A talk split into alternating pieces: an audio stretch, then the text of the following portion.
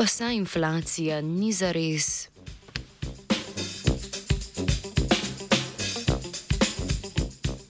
Medtem ko se Slovenija in Evropa spopadata z inflacijo ter padcem evra, se znanstvenika z univerz v Trentu, Cambridgeu in Harvardu sprašujeta, ali je do inflacije zares prišlo.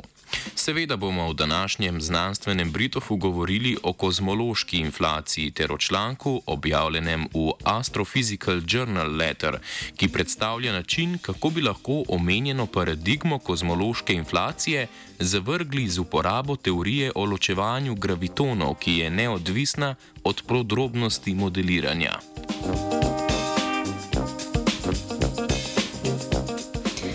Teorija velikega poka je splošno predvsej sprejeta in deloma potrjena kot zelo mogoč scenarij začetka našega vesolja, vendar ne pojasni popolnoma vseh opazovanj. Ta problem predvsej elegantno reši teorija kozmične inflacije, ki trdi, da se je vesolje širilo oziroma napihnilo zelo hitro.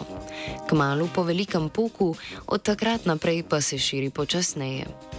Zaradi zgodnih uspehov in učinkovitosti ta teorija velja za trenutno najverjetnejši potek razvoja zgodnjega vesolja, čeprav še ni bila eksperimentalno potrjena.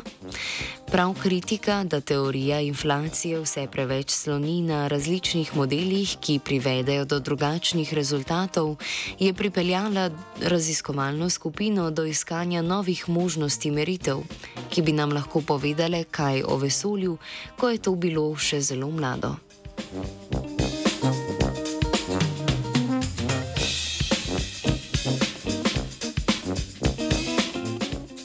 Raziskovalna skupina je predlagala opazovanje hipotetičnih osnovnih delcev gravitonov, ki izvirajo iz zelo kratkega časa po velikem poku. Ko se je vesolje širilo, se je porušilo termično ravnovesje fotonov in neutrinov. To današnji to dan današnji opazimo kot kozmološko, mikrovalno in neutrinsko ozadje, ki ga brez težav izmerimo. Skupina v članku razmišlja, da je do podobnega pojava termičnega ozadja prišlo tudi z gravitoni. To bi tako pustilo kozmološko gravitonsko ozadje, imenovano CGB. Po teoriji inflacije bi se moralo to ozadje zaradi stalnega širjenja vesolja do sedanjosti že porazgubiti in bi ga bilo mogoče nemogoče opazovati. Raziskovalna skupina torej trdi, da če nam uspe zaznati termično ozadje gravitonov, teorija inflacije ne drži vode. Do ugotovitev je raziskovalna skupina prišla po razmisleku, da določene predpostavke v nadaljem razvoju v teoriji inflacije ne držijo več. Zaradi tega bi temperatura CGB v času eksponentnega širjenja vesolja morala eksponentno padati.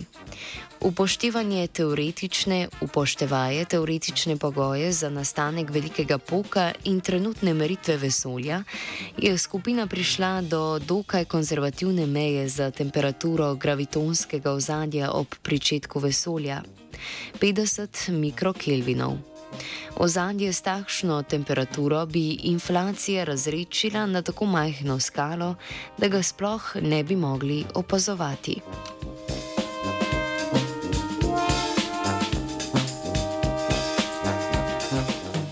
Naj bo CGB ozadje razrečeno ali ne. Trenutno ga ne moremo opazovati in izmeriti. Raziskovalna skupina predlaga opazovanje stohastičnih gravitacijskih valov, ki bi utegnili biti posledica gravitonov. Žal pa je skupina s teoretičnimi izračuni, koliko gravitonov ozadja bi lahko zaznali, ugotovila, da bi bil signal za tisočkrat nižji od vrednosti, ki smo jih danes sposobni izmeriti. Edina možnost takše, takšne zaznave ozadja bi bila z uporabo inštrumentov, ki pa za zdaj še ne obstajajo. Vseeno predpostavijo, da bi lahko na podlagi izra, izrazitega magnetnega ojačanja gravitonske valove na frekvenci 75 GHz lahko ločili od preostalega stohastičnega valovanja in tako določili prispevek CGB ozadja.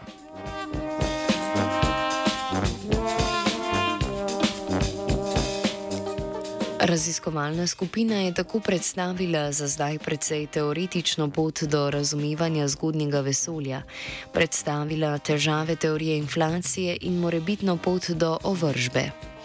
Z razumevanjem fizikalnih procesov ob nastanku vesolja lahko upamo na povezovanje teorije gravitacije s kvantno mehaniko.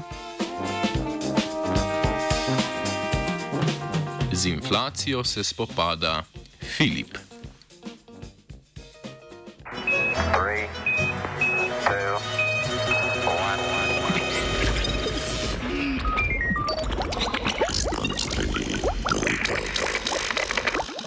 Radio študent.